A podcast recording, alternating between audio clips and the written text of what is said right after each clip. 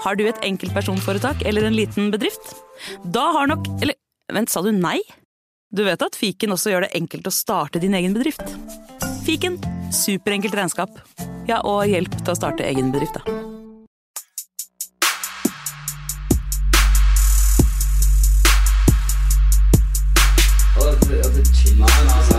Hei, karer. Hysj, hysj, hysj. Det er faktisk sånn at det kanskje er noen som har lastet ned der. Nei, nå må vi bli ferdig. La meg bare få spilt inn her, da. Velkommen til fotballuka!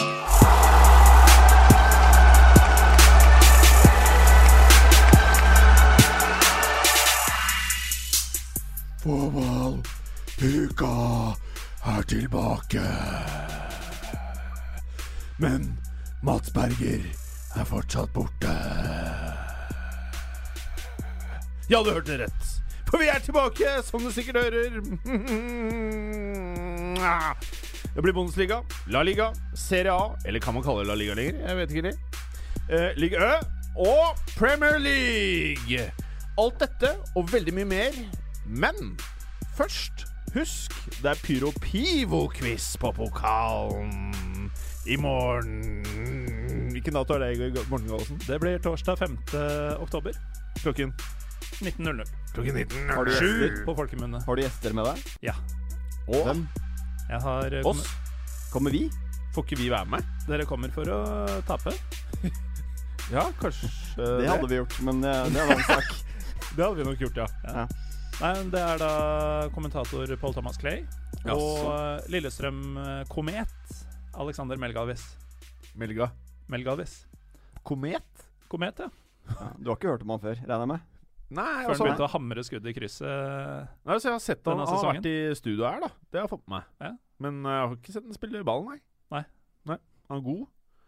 Det er det han egentlig ikke er, skjønner du. Åh! Like, Han kommer til å sitte og høre på dette her. like Det tviler jeg på. Melga er storfan av fotballuka. Det er det, er det jeg veit om han. Det blir sur stemning på portalen i morgen, altså. Fytti rakkeren, det her blir jo hyggelig. Ja. Og denne podkasten her klippes jo ikke, som du vet. Ja, vi, er, vi er på lufta. Ja, han er god, mente du? Ja, han er meget dyktig. Og han har tatt et par kanoner i krøsset. Ja, for han er jo komet, vet du. Ja, han er det. Ja. Kom som gammel mann, eh, fikk prøve seg i Eliteserien for første gang nå som 28-åring, og tatt uh, ligaen med storm. Oi, så det er ikke for sent for vårs heller? Jo. Jo. Ja, det er det. Hvorfor det? Vi er ti år eldre enn det. Nei, ja. Det er vi jo ikke. Nei, jeg snakker for dere sjøl. Jeg snakker for dere sjøl. Ja. Fem år eldre. Ja, fem Ja. år eldre. Tre år eldre for meg, da. Fire. For meg som er yngst. Um, så det blir gøy.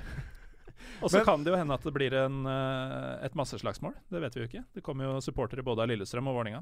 Åh, Vi skal være i samme bluss. rom og drikke litt øl. Og, Åh. Jeg håper det. Ja. Så jo, var det Mjøndalen 2 mot Godset 3 her om dagen, hvor det var bluss blant de 15 ja, det tilskuerne. så jeg fikk det på Snapchatten. Ja. Så hvem vet hva som skjer på pokalen, altså. Ja, Jeg tror det blir bluss. Det er mulig pokalen setter opp noen fakler ved inngangspartiet, men jeg tipper det blir med det. Altså. Jeg tror ikke det. Han er eh, Det ene her som driver og booker disse tinga. Jim, tror jeg han heter. Ja.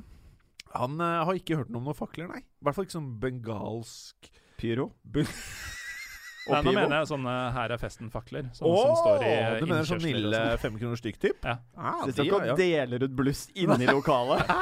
Og heller ikke sånne lynsje-torches. Nei, det gjør det nok kanskje ikke. Men eh, Så du mener at folk burde komme på dette? Jeg eller? mener absolutt det. Ja. Mm. Hvorfor det, da? Fordi det blir antagelig høstens mest nerdete quiz. Men blir det liksom sånn som for meg, da, som Mm. ikke skjønner en dritt av Å ja, nei, jeg vet hvor du skal hen. Og jo, det blir svært varierte spørsmål. Å ja.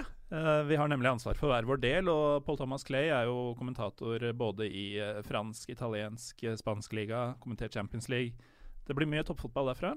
Blir uh, hakket under kanskje fra min del, og så blir det litt om eh, norsk fotball og Mel Galvis selv. Så de som ikke har hørt toppfotballepisoden hvor han er gjest, de eh, kan eh, høste poeng av å ta en eh, lytt til den. Å, dæven. Men så over til liksom det som er eh, det viktige her, da. Hei, Jim. Det er jo den 28. Oi. 28. september klokka 19.00. Har ikke det vært? Det var Jo, fort det en vært. uke siden. Ja, det var, det var vi Det har du skrevet på Facebook også, se. At eh, 28. september må dere komme på pokalen. ja. For da er vi der. Når er det vi er der igjen? Vi er Tror vi er der 12. oktober. Ja. 12. oktober. Det er en uke til. Ja, ikke kom 28. september. 12. Jeg var der. oktober. 28. september, ja, det var kjempehyggelig. Ja, jeg var ikke der. Nei, du lurte meg til å dra. men, men, men du fikk jo med deg noe, i hvert fall. Ble stuck med La Liga Loca, eller? Ja. ja. Og han er det fæle Kristoffer som jobber i studio her. Å, fytti rakkeren, håper jeg Kristoffer hører dette her. Mm. Og Kristoffer er venn av Melgavish. Det er jo Da, hans nå kan du bli gjenga opp mot i morgen, tror jeg. Ja. Pass deg. Jeg får uh, støtte meg til uh, Vålinga. Så du var stuck. Så du var stuck med de beste gutta på spansk fotball i Norge? Ja. Det hørtes veldig synd ut på deg. Det var jeg igjen her på mandag kveld. Ja, det var det. Ja. Ja. Og han ene i går. Ja, Så det nei, forrige års, mener du? I går. Uh, jeg i går. Ja. Da ble det spilt inn en annen podkast her, med Jonas Giæver som gjest. Ja, ja, selvfølgelig. Den, er, eh, den vi ikke prater om. Denne. Hmm. Den som Vestkanttribunalet hater. Men du hater jo spansk fotball, gjør du ikke det? De gjorde? Ja, det er, Er du jo på glid? Jeg, har jo, jeg så Sociedad mot eh, Betis Ja, det skal du være eh, glad for. i helga. Det var jeg glad for, ja. Ja. ja.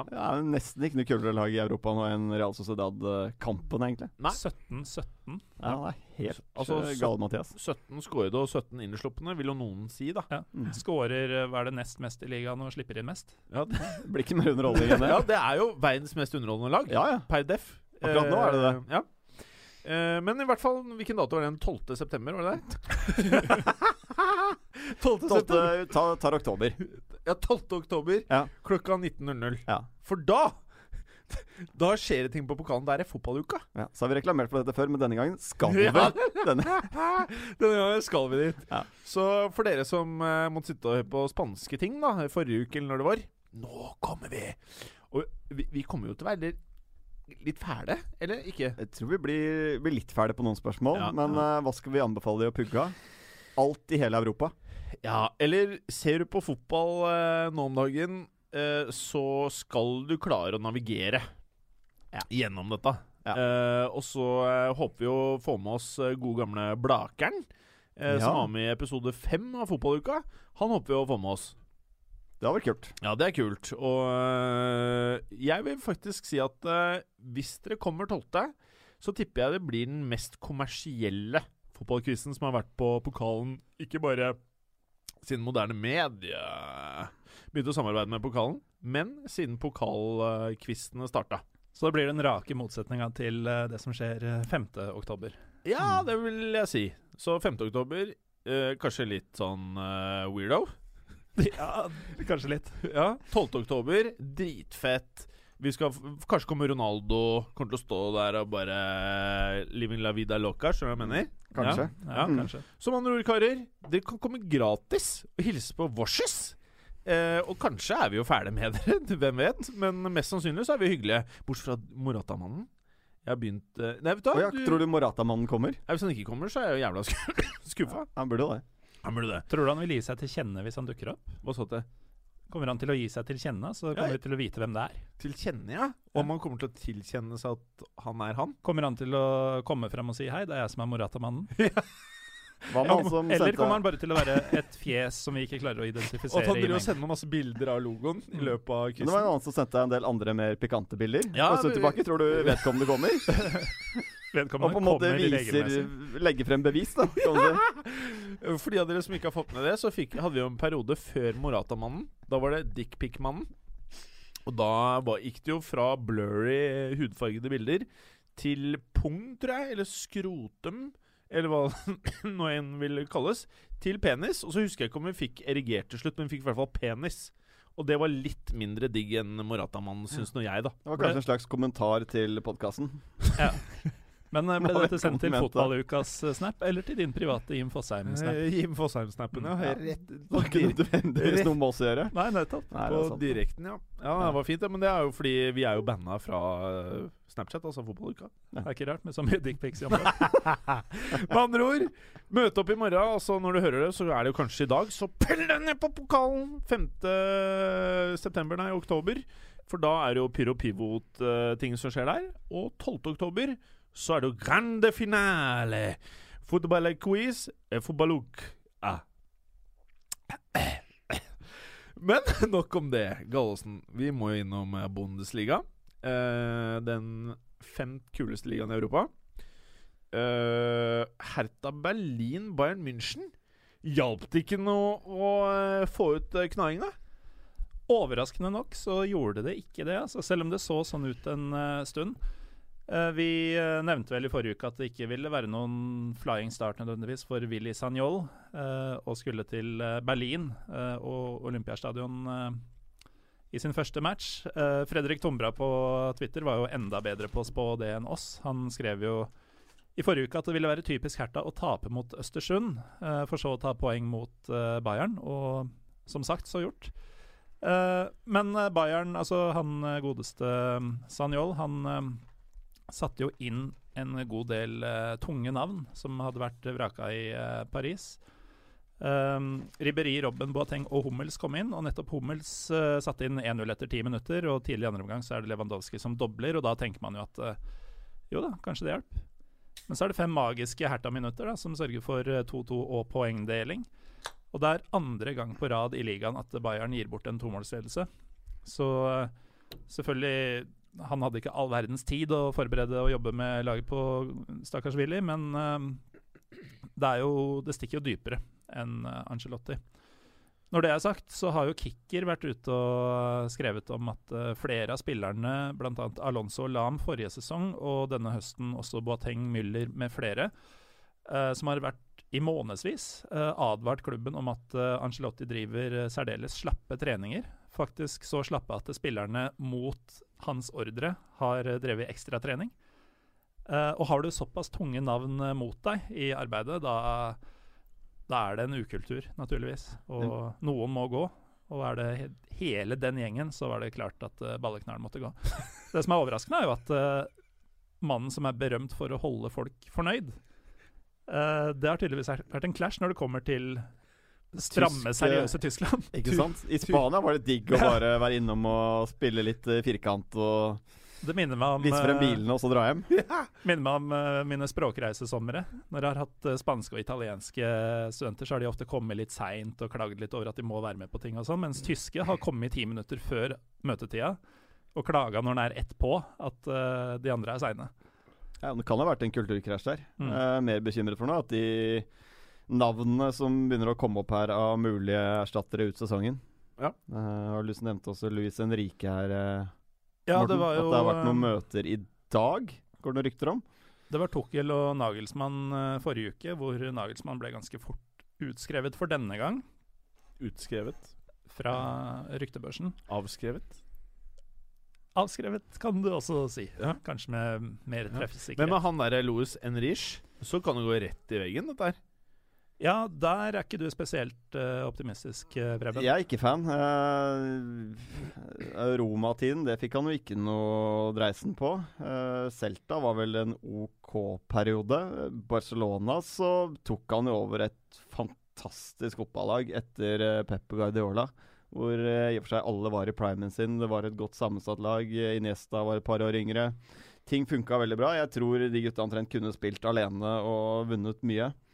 Eh, så jo hvordan Luis Henrique etter hvert der sleit med å få ting til å funke i det hele tatt. Så jeg syns ikke han har vist veldig mye som gjør at jeg tror at han får den på Bayern, i hvert fall. Det eneste som jeg har litt trua på Du vet, Han har litt sånn Kjetil Rekdal-stil på treningsfeltet. Tenk på solbrillene, eller? Ja, solbrillene og shortsen godt oppi rassen. Og gjerne liksom sånn at du ser liksom hele hudområdet rundt penis. Altså da mener jeg oppå lårene, helt opp, liksom. Det er da noe Bayern-spillerne vil reagere positivt på? Tenker jeg, da. Mm. Eh, for at det balleknaing, det funka ikke. Så jeg tenker da liksom det å vise frem kanskje kan være en bedre ting. Og det er ikke umulig at Rekdal lærte den eh, stilen og looken da han selv spilte i Tyskland. Så det kan jo være nøkkelen, faktisk. Men det, vi, vi har jo ofte skrytt av at Bayern har planene klare tidlig, og sånn, da de ansatte Angelotti lenge før eh, Guardiola var ferdig. Da de henter spillere tidlig før vinduet åpner egentlig og er ferdighandla før mesterskap og den type ting. Men når de da går fra en mann som hadde Real Madrid eh, relativt nylig, og dersom de ansetter Luis Henrique, som kommer fra den andre skolen i Spania, da er det i ferd med å skli litt ut også, eller? Ja, det gjør det. Eh, vanskelig å se hva de tenker langsiktig. Nå hadde de vel trodd at eh, Carlo skulle nå være der i eh, tre, tre år, da. Treårsperiode og holde skipet stødig gående, kjempe semifinale, finaler, være, altså vinne Bundesliga lett. Men nå har de jo et problem, for det er jo ikke bare lett å se hva de skal gjøre.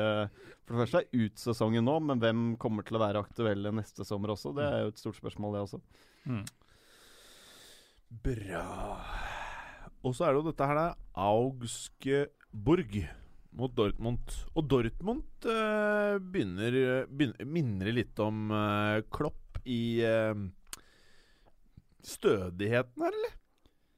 I hjemlig liga så gjør det det, Mm. men eh, det, mer enn noe annet så ligner det kanskje på det Dortmund-laget Klopp hadde første gangen han tok dem til Champions League, hvor det ble overkjørt i Europa, men dominerte hjemme. Det er nøyaktig det samme vi ser nå, eh, som jo er eh, fascinerende og interessant. Altså, det er jo et godt omen for oss som har etterlyst uh, spenning i gullkampen i Tyskland de siste årene. Uh, for uh, den gangen vant jo Klopp, naturligvis. Og nå har Dortmund allerede en fempoengs ledelse på Bayern og Hoffenheim. Selvfølgelig med trykk på Bayern her. Og det er jo flere som har tenkt, eh, før Dembélé gikk riktignok, at det kunne bli mer spennende enn det har vært på mange år, at Dortmund til og med kunne ta det. Så gikk han, og så fikk, uh, ble det liksom kasta litt kaldt vann på, uh, på det håpet. Men Jarmolenko ser jo ordentlig heit ut allerede. Det var jo store spørsmålstegn knytta til når han etter så mange år i den samme ligaen tråkka i det samme sporet, om han ville kunne ta steg. Uh, Skåra sitt første Bundesligamål nå, etter fire minutter. Har skåra etter Champions League og i det hele tatt sett uh, bra ut i de kampene han har uh, spilt. Um, så de har jo god bredde framover. Og så har du da Denne gangen er det Kagawa som blir matchvinner. Uh, når du ikke har Royce, og når Aubameyang brenner straffe, så dere forresten den missen? Ja. Den var stygg, ass. Nope. Han prøvde seg på en lobb midt i mål, som har dette tsjekkiske navnet Panenka. Eh, det forutså Marvin Hitz. Så øh, akkurat som da Martin Andresen skulle gjøre det samme mot Per Magne Misund for øh, mange herrens år siden, så seiler ballen i en rolig bue rett i fanget på en ventende keeper. Og ingenting ser dummere ut enn en mislykka Panenka. Han hadde i det hele tatt en krøkkete dag på jobben, uh, Aubameyang. Eh, det hadde for så vidt eh, Dortmund også. De var det bedre laget, men det var tett og hardt. Og det er en, eh, en stadion som er vanskelig å komme til. De var uh, ubeseira hjemme i Augsburg før dette, og har hatt besøk av bl.a. Mönchengladbach og Leipzig. Sistnevnte slo dem. Så eh, tar, nei, Dortmund tar alle tre poengene og er eh, meget fornøyd med det. Men kommer Dortmund til å være stabile nok over en hel sesong? Jeg føler de Det er mye likheter med Liverpool her i, i forhold til det defensive. Jeg syns de slipper til eh, At det er litt rotete bakover, da, i perioder. I Champions League har det vært veldig tydelig. Ja. Uh, I ligaen så har det sett bedre ut, og det har naturlig sammenheng med at uh, i stedet for å spille mot uh, Gareth Bale, så møter du Haris Seferovic. Ja, Eh, det er litt lettere. Og de har flere midtstoppere enn midtstopperplasser. Altså mer eller mindre jevngode stoppere som kjemper om plassene. Og eh, jeg tror at eh, selv om det ikke er hovedprioriteten til Peter Boss, så vil jo samspill og relasjoner og eventuelle ideer han har om forsvarsorganisering, sette seg bedre utover eh, sesongen. Så i eh, ligaen så har, eh, har de en brei tropp med veldig mye jevne spillere, så du kan være uten én og to nøkkelspillere uten å gå altfor mye ned i kvalitet. Og over en hel sesong så er det kanskje akkurat det som skal til. Preben, Mm. i La Liga nå. Nå er det jo Ja. mye som uh, preger overskriftene som ikke nødvendigvis bare har med fotball å gjøre. Nei, det er jo ikke det. Det er uh, har skjedd mye i Catalonia i helgen, og Barcelas Palmas uh, kommer jo egentlig veldig i skyggen, egentlig, av alt som har skjedd. Nå har jo dette temaet blitt snakket opp og ned i mente om i flere andre podkaster og i aviser, eh, eh, det meste, egentlig. Kan jeg bare si én ting om det? eh, ja. Jeg vet ikke hvor jeg skal gjøre av meg når man midt oppi alle de scenene og overskriftene man ser, plutselig dukker det opp sånn norsk familie som er så lei seg og gråter over at de ikke fikk muligheten til å se Messi. ja. Da har de perspektiver på ting. Og det gleda seg så mye til denne. Jeg føler det er litt typisk eh, bortskjemte drittunge fra Norge, da. Ja. Mm. Å ha den eh, Jeg hadde også latt meg, og jeg har også gått glipp av kamper som jeg har sett fram til pga. krigslignende situasjoner Ja. når jeg har vært på tur, men Det var vel aldri Messi du ikke fikk sett? nei, men det var mye fetere enn det. Hva da? Det var Dynamo Kiev mot Sjaktar Donetsk. Ja, Hvilke spillere var det du ikke fikk sett, da? Det spiller ikke noen rolle, det. Ja, men sine spillere, da. glipp av matchen. Ja. Ja, men Det, var, det skulle være stinn brakke. 70 000 tilskuere. Iskald eh, Kiev-kveld. Mm. Jeg tror ikke vi trenger å gjenfortelle alt eh, hvorfor og hva som skjedde, men eh, Barca fikk jo valget her, da. Altså, La Liga nektet jo å, å stoppe kampen. Las Palmas ville spille, de måtte spille. Det var eneste muligheten de egentlig hadde, eh, kortversjonen her, er at de måtte jo spille på tomme tribuner. Og det blir jo en helt annen ramme på matchen. For det første så hører du alt gutta sier til hverandre. Det, det blir rett og slett en rar opplevelse. Og hele første omgang var jo var tam. Det skjedde ingenting. Las Palmas hadde vel 55% possession. Barca så ikke ut som seg selv i det hele tatt. Uh, startet riktignok både med Rakitic og Iniesta på benken. De kom inn i pausen. Andre omgang ble helt annerledes, og, de får de tre målene de trenger. Så det blir en oppskriftsmessig grei seier for Barca, dette her. Men uh, det er jo fryktelig mye som har skjedd der. Det er et par uh, direktører som har forsvunnet det, som protest for at kampen ble gjennomført. Nei, det er Men Messi viser jo igjen at han er Har jo egentlig en helt syk sesongstart. Vi snakket jo før sesongen om at denne sesongen her må i hvert fall Messi stå frem og, og ta ansvaret hvis Barca skal være der helt, helt der oppe. Og det har han jo gjort med elleve skåringer på Han har bare spilt seks kamper uh, de første syv rundene. Og mm, han har jo aldri skåret mer etter de første syv serieomgangene enn han har gjort i år. Selv da han rundet uh, 50 skåringer for noen år tilbake, så var han ikke oppe i dette antallet her. Så jeg tror ikke han kommer til å slå den rekorden her, for den er jo, den er jo nesten for syk med, med 50 skåringer. Skal selvfølgelig aldri si aldri. Men um, Messi er den mestskårende i 2017 i alle ligaene. Uh, egentlig by far òg, med sine oppi 43 nå. mm. Det er vel syv mer enn uh, Cavani og Harry Kane av alle. Så, men de har fått en drømmestart da under uh, Valverde. Det er um, tangert klubbrekorden sin på syv strake i serieåpningen. Og samtidig så har Real Madrid avgitt overraskende mye poeng i sesonginnledningen her. Mm. Og da Så- er det jo naturlig kanskje å gå over til uh, deres kamp. Ja, de, de, de er jo ikke helt friskmeldte. Selv om de slo Español 2-0 hjemme. Og Så kan vi jo snakke, De hadde litt fravær her. Marcelo er ute. Carvajal er ute på ubestemt tid med noe hjerteissues. Mhm. Så nye backer der med Nacho og um, Ashram Hakimi, som kom inn og fikk sin debut. Første marokkanske der, som, uh, som debuterer for Real Madrid. Og de, de er jo ikke samme angrepsvåpenet som Carvajal og, og Marcelo er. Eh, de bekkene er ekstremt viktige for angrepsspillet til eh, Real Madrid, sånn som de spiller. De mangler også Bale, de mangler Benzema, men mange vil jo kanskje si at Isco og Ascenso er eh, minst fullgode erstattere for det. Men det er et eller annet som ikke helt klikker for Real Madrid. To mål av Isco, det er Men vel og syns du de spiller bedre i Champions League enn i La Liga? Jeg syns det var et knepp opp mot Dortmund, så syns jeg de var eh, bra. Jeg syns ikke de var spesielt bra mot Apoel, men det er litt typisk da, når du har vunnet alt. Alt de har stilt opp i, har de vunnet de siste eh, to årene. Uh, og da er det kanskje at de trenger de litt større matchene for å motivere seg. Det blir jo fort en litt sånn snikende følelse at når vi møter Español, så, så vinner vi uansett. Samme hva de prøver å gire seg opp osv., så, videre, så er det jo et eller annet mentalt der, tror jeg, som gjør at de ikke er helt på hugget. Og Español har jo stangskudd og flere gode muligheter her, så de kunne fort ha røvet med seg et poeng her. Men eh, klassen til Isco, den, eh, den avgjør, altså. Den gjør det. Hvor um, For at det, det er jo mange spillere som vi gir mye honnør til i dette programmet. Eh, hva skal vi si om Isco nå om dagen?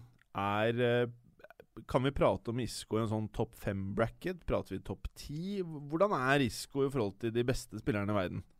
Ja, det er en topp ti-bracket for meg, altså. Så det er, eh, han er den gjengen bak eh, de store, de to store.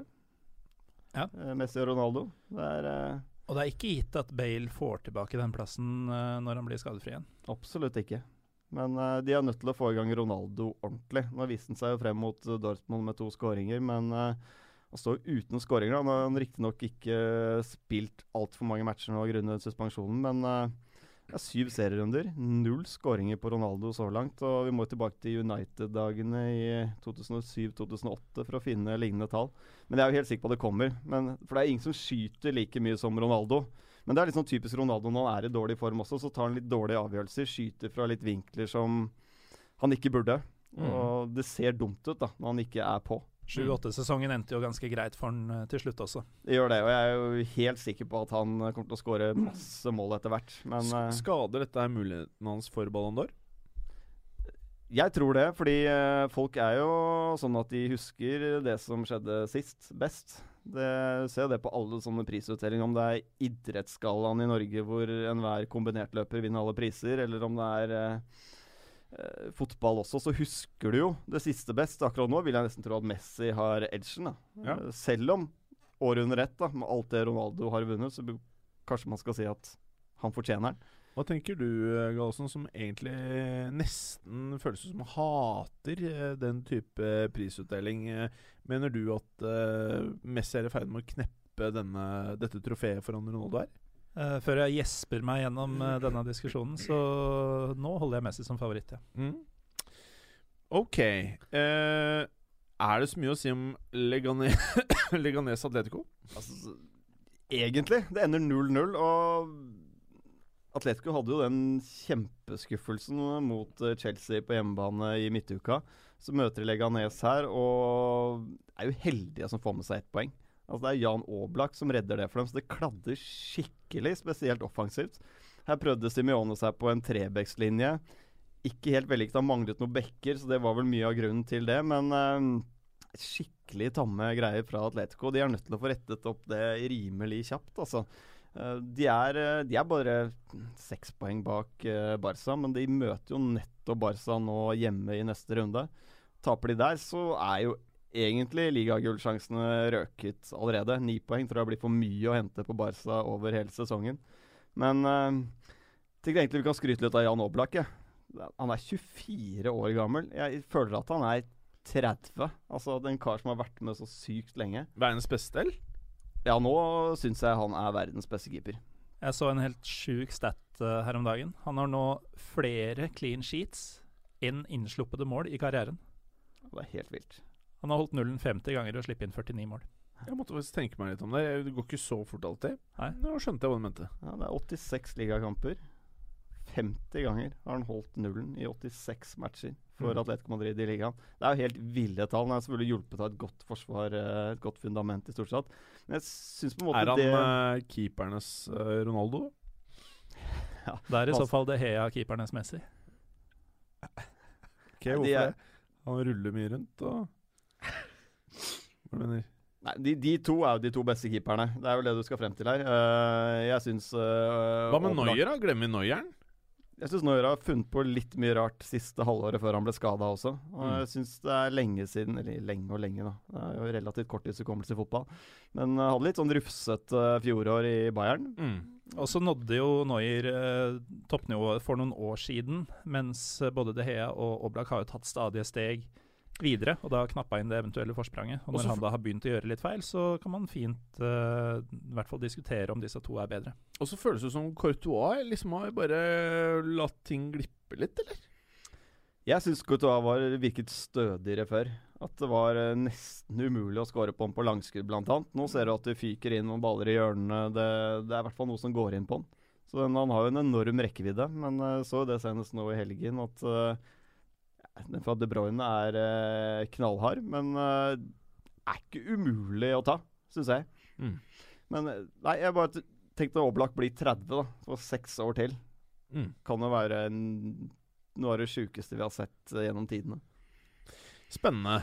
Eh, la oss runde av La Liga med Valencia-kampen. Ja, det var mye De mer er spennende. vel eh, vel eh, Går det an å si at den store overraskelsen Du calla jo dette før sesongstart, at Valencia kunne få en eh, bra sesong i år. Ja. Men eh, Og jeg, calle at Simone Sasa skulle få en bra sesong, det var det vel ingen som gjorde. Selv ikke Berger hadde vel trua på det. Nei, det er, eh, det er jo litt vilt, da. Men det er sånn som jeg ser det. da Så er det selvfølgelig Valencia-sesong. Grunnen til at jeg trodde at de kunne gjøre det hakket bedre, var jo Marcelinho, som kom inn med en helt annen disiplin enn disse gutta her er vant til. Eh, De har en del egne unggutter, så har de en del fysikk. Så det er en bra sånn sammensetning i laget. Og jeg syns på en måte at dette Valencia-laget her, det passer Simone Satsa veldig, veldig bra. Og Simone Satsa passer også Valencia veldig, veldig bra. Han er den krigeren der oppe. Han er jo ikke noe teknisk vidunder. eh, Også en type det er vanskelig å si hva er det egentlig Simone Satsa er god på. Men han rydder mye plass. Han jobber beinhardt. Eh, Han skaper mye rom for disse teknikerne som uh, Guedes, uh, Carlos Soler, Parejo og disse her. De får litt mer plass. Han binder opp mye spillere. Så jeg, jeg syns det er kult å se Simone Sasa nå med seks skåringer. Og de vinner jo 3-2 her hjemme mot Atletic. Eh, fått en fantastisk start. De har møtt Real Madrid, de har møtt Atletico Madrid, de har møtt Real Sociedad. De har nå møtt Atletico Bilbao, eller Atletic Bilbao, på de første, første syv matchene og ligger på en tredjeplass. Så Nå får de noen matcher her. De får de Betis og Sevilla i de to neste. Det blir jo, altså Får de med seg poeng derfra også, så kan man virkelig begynne å snakke om Sevilla som et Champions League-lag neste år. Helt reelt. Og jeg tenker at ingenting hadde vært kulere uh, ut av den La Liga-sesongen her enn om vi får Sevilla inn i Champions League igjen. Jeg føler at det er et Champions League-lag. Helt Det er en Champions League-klubb, da. Jeg føler både der. Valencia og Sevilla er det. For Helt meg. klart. Ja. Uh, kan jeg bare spørre om en ting nå? For uh, når jeg begynte å se på La Liga back in the days, sånn uh, pluss-minus årtusenskiftet Da var det sånn at uh, for folk som ikke kunne så mye om fotball, så var det sånn at man prata om Real og Barca. Mm. Men så plutselig så, så man på tabellen, og så så man et lag som het Deportivo la Coronia. Som ikke bare Uh, var bedre enn disse to lagene. Juan Carlos. Men de Fantastisk fyr. Ja, ja men de hadde en sånn kjøttbenk. Og så la de sånne superstjerner på den benken. Og så bare tok de og kappa dem hue og bein og det som var. eh, og det samme gjorde Valencia i perioder. Ja. Er vi er, er fotballen utviklet seg til et sted nå hvor det er vanskelig å se for seg at et Valencia, at et Deportivo, at et Sevilla kan eh, gjøre det samme som de gjorde på, det, på, på den tiden? Akkurat i Spania så, så er det jo det, men det var jo uhørt at noen andre enn PSG skulle vinne ligaen i, i Frankrike i fjor. Monaco kom fra ingen steder og Ja. tok det. Det er enig. Eh, Montpellier for noen år siden der. Uh, Leicester i Premier League uh, var det i hvert fall ingen som så komme. Det er ingen som har klart det over tid, føler jeg. nei, men det gjorde vel ikke Deportivo Jo, eh, de hadde flere sesonger, mener jeg. Ikke Eh, med gull.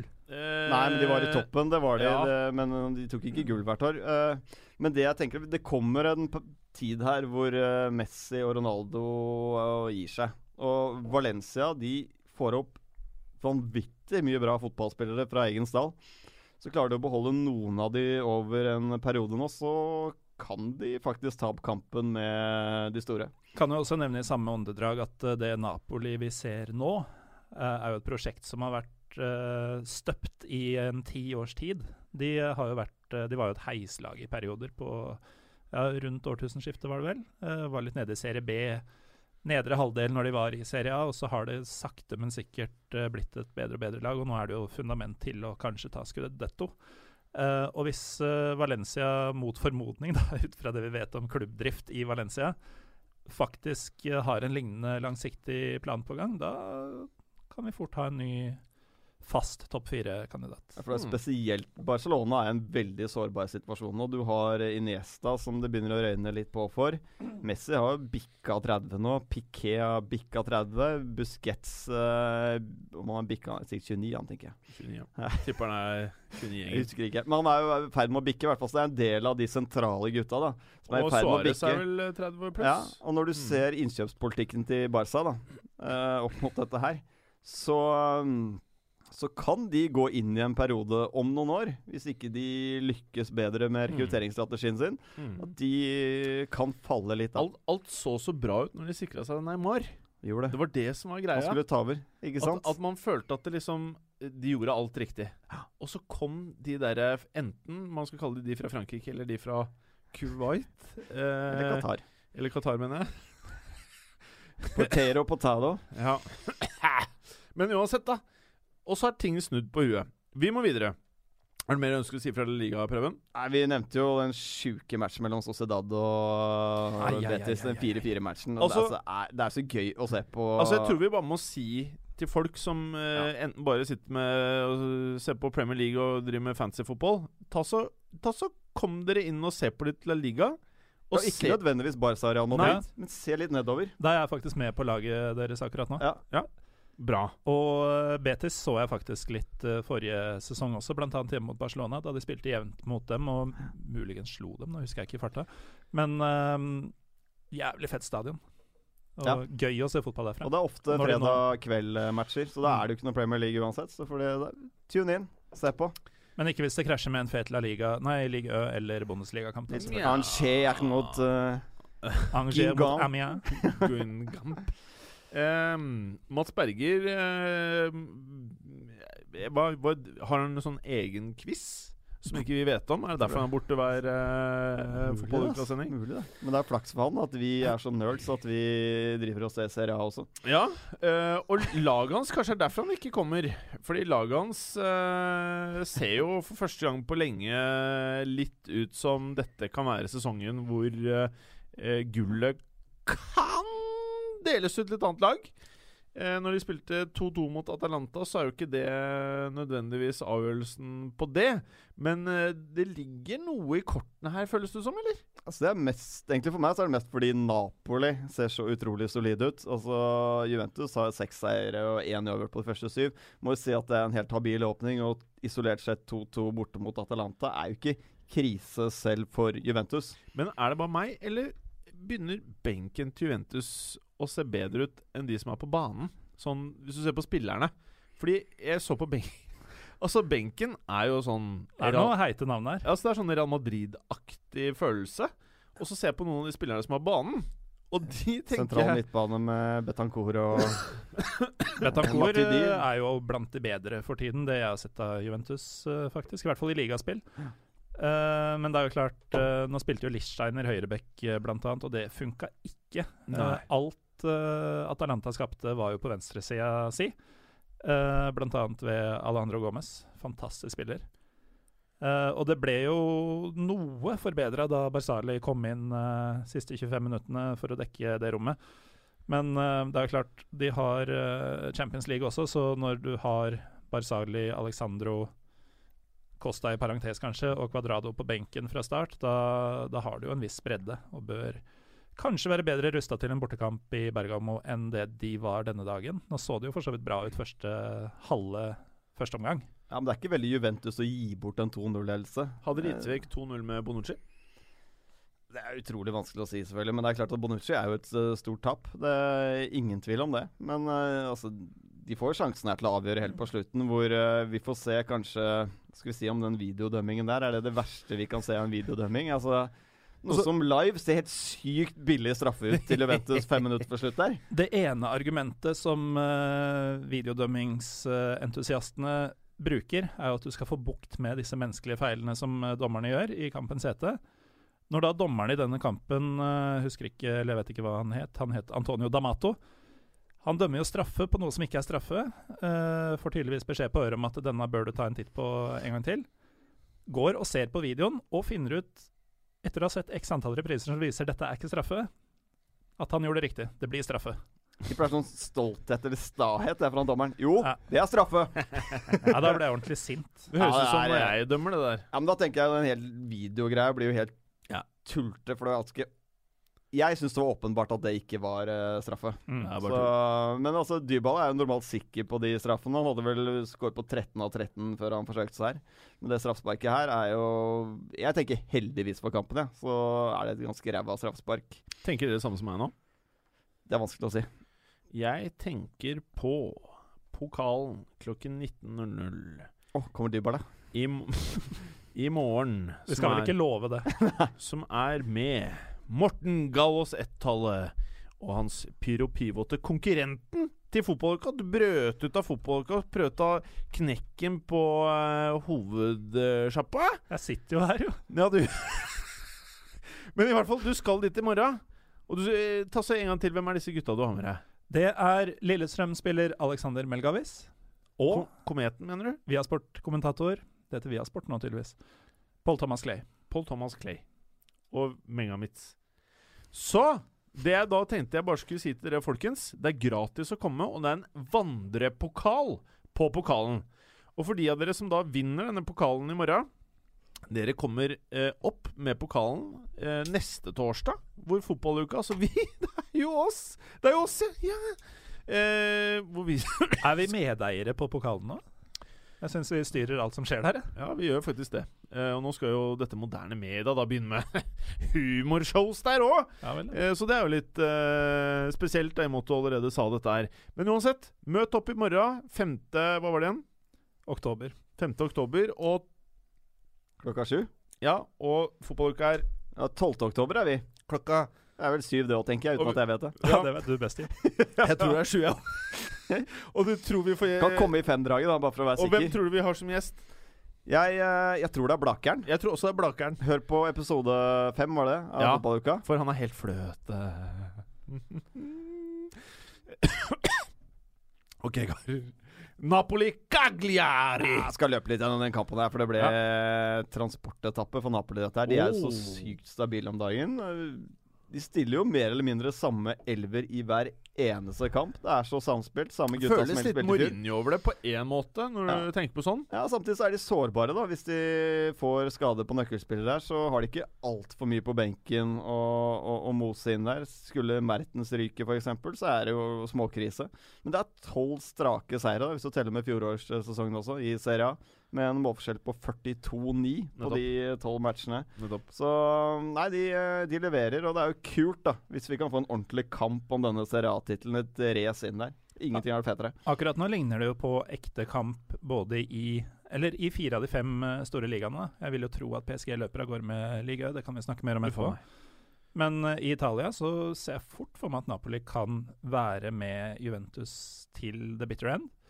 I England så er det i hvert fall to Manchester-lag, kanskje flere, som uh, kommer til å være med lenge. I hvert fall ikke Chelsea.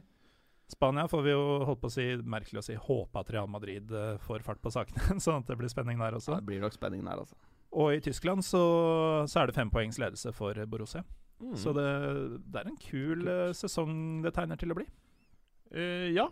Men det som var eh, Jeg ble egentlig litt overrasket at Roma knalla inn eh, to og slapp inn null eh, mot AC Det er altså Det brenner jo faktisk litt under føttene til Montella allerede i Milan. Altså Fått mye spillere inn nå. Også, altså Riktige spillere, som vi snakket om før sesongen. Man har fått uh, faktisk ikke bare kjøpt inn tilfeldige stjerner som er gode i fotball, men faktisk folk som passer i de rollene han trenger dem.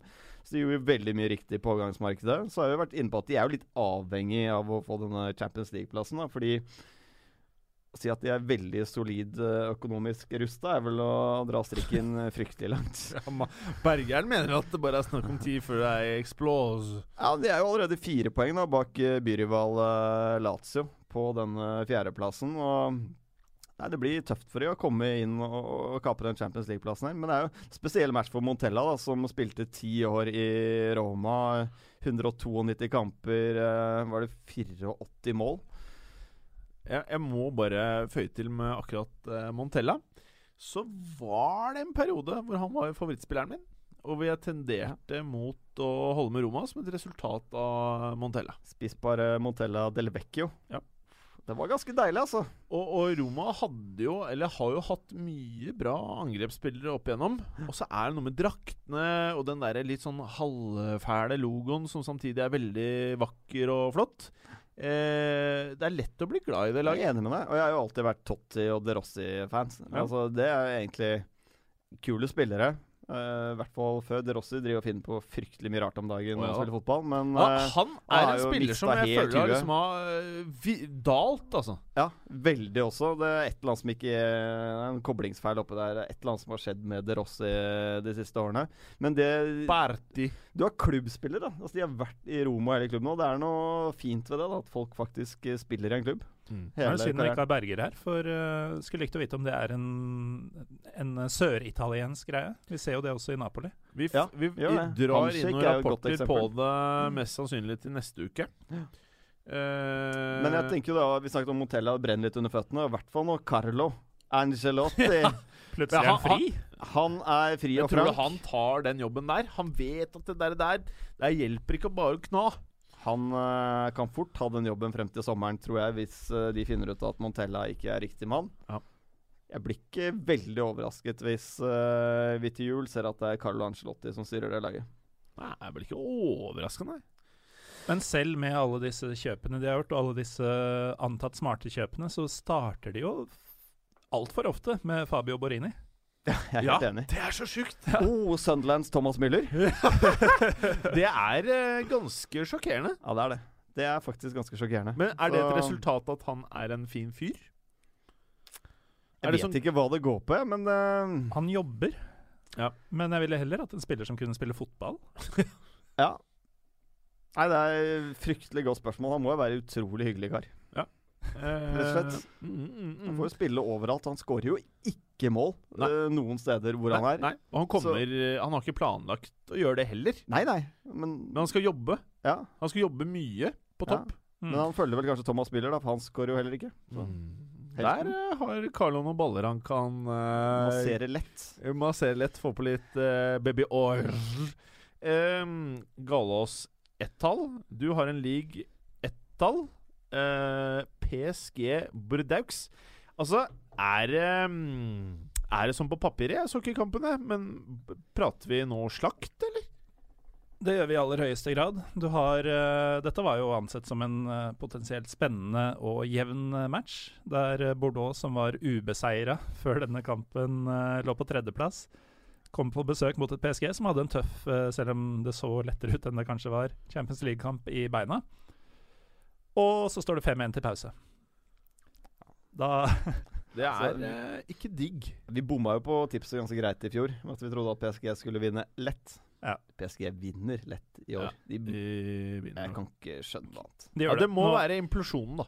Det er det, det, er det eneste jeg klamrer meg fast til. En Ja. liten Motta, Brasil, Ja, det blir den Cavani explose. Nå vraka skråstrek hvilte de eh, Daniel Alves, Thiago Silva, Thiago Motta, Kursava. Ikke noe problem. De som kom inn eh, Ja, du, du merka det ikke. Så har du jo Neymar, da, som skårer to mål. Ingen av dem spillemål, som man kunne brukt som en innvending, men det etter de siste ukers skriblerier Det ene på frispark, det andre på straffe. Mm. Uh, Cavani var på banen for begge deler, så det er åpenbart at uh, han har faktisk blitt fusialt etter den lille Cavani har fått en million, da. Han har fått, eller var det ti? Han har vel fort fått et strandhus i eh, Montevideo, eller eh, Han fikk kanskje 50-100 millioner for dette. Han har nok uh, fått en kompensasjon. Fan, de er så barnslige, disse gutta her, ass. Det er, det er barn. Det er barn, noen av disse her. Men jeg, hadde, jeg jo- jeg hadde gjort det samme da hvis jeg var Neymar. Ja, ja. Jeg hadde jo skreket og gaula og klørt Klurt? Klodd? Vi var jo innom det forrige uke, at uh, det er nok ganske oppkonstruert, denne såkalte feiden mellom eh, disse to. Og atter en gang så er det jo bl.a. en målgivende fra Neymar til Cavani. Men er det ikke det- morsommere hvis fotballen er at Kan ikke vi i fotballuka Vi er ikke underlagt NRK eller eh, noen andre. At vi bare skal insistere på at det er en beef der. Jeg, Og- jeg Jeg syns du skal bygge den opp, ja. I, I beste WWE-stil. Bygge opp en feide som skal kulminere i sånn gangfight. Ja, for vi kan jo bare si det vi tror. Og jeg tror at det er jævlig dårlig stemning der. Altså, jeg håper det er jævlig dårlig stemning. Ja, og at det Det jeg eh, smeller. Nå må det Ja. smelle, og det er bare snakk om tid, skjønner jeg. Altså, jeg syns det er dritfett å se PSG spille fotball. Ja. Men jeg skulle ønske det gikk til helvete i samme slengen. Ja, ja, ja, Altså, det er jeg er veldig todelt her, da. Ja, det er, eh, det er en ekstremversjon av eh, Leipzig for min del, som også er fete Ja. å se på, men jeg håper jo alltid at de skal gå på trynet. Men, Men, eh, du hva er verst, Leipzig eller PSG? Nei, det er PSG, by far. Ja. Litt fordi det er jo Det er jo ikke lenger et sponsorat, det er jo en faktisk kjeltringstat som, Ja. som opererer gjennom en fotballklubb. Ja, Det er kjeltringstreker. Eh, men ja, by far er kanskje å ta i. Det er ganske grusomt det Red Bull har eh, drevet med også. Nå fikk det faktisk en del fokus Jim, det du har snakka om tidligere, om er disse ekstremstuntutøverne som har dødd eh, på oppdrag fra Red Bull. Ja. Eh, det var vel Köln-supporterne nå som holdt opp en del bannere med referanse til eh, nettopp dette. Mm. Altså, At eh, Bra, Red, Red. Red Bull gir deg eng, ja, veldig bra. Red Bull gir deg englevinger Ja, fordi du er dau. men uh, det er faktisk uh, verdt å komme seg inn på Jeg husker ikke om det er Netflix eller HBO. Ja, men, Tror du du sa NRK? Ja. NRK var det nok, ja. Mm. Uh, NRK eh, sin eh, nettløsning. Ja, det kan er- man gjøre den helgen. For det er ikke en dritt å se på på TV. Ja! Ja, gjør det! Gjør Ja. det. Også, men først, først så Ja. tror jeg kanskje jeg hadde lada opp med dokumentaren om Silvio Berlusconi på eh, Netflix. Eh, hvor man bare kan sitte og glede seg en time til han skal da, som jeg sa sist, inn i garderoben. Og han begynner å prate om kona til han Montari. She's the finest. Eh, don't worry, don't worry, I'm too old. Og så ler han, og så må alle le i ren høflighet. Og Montari Montari føler seg fet.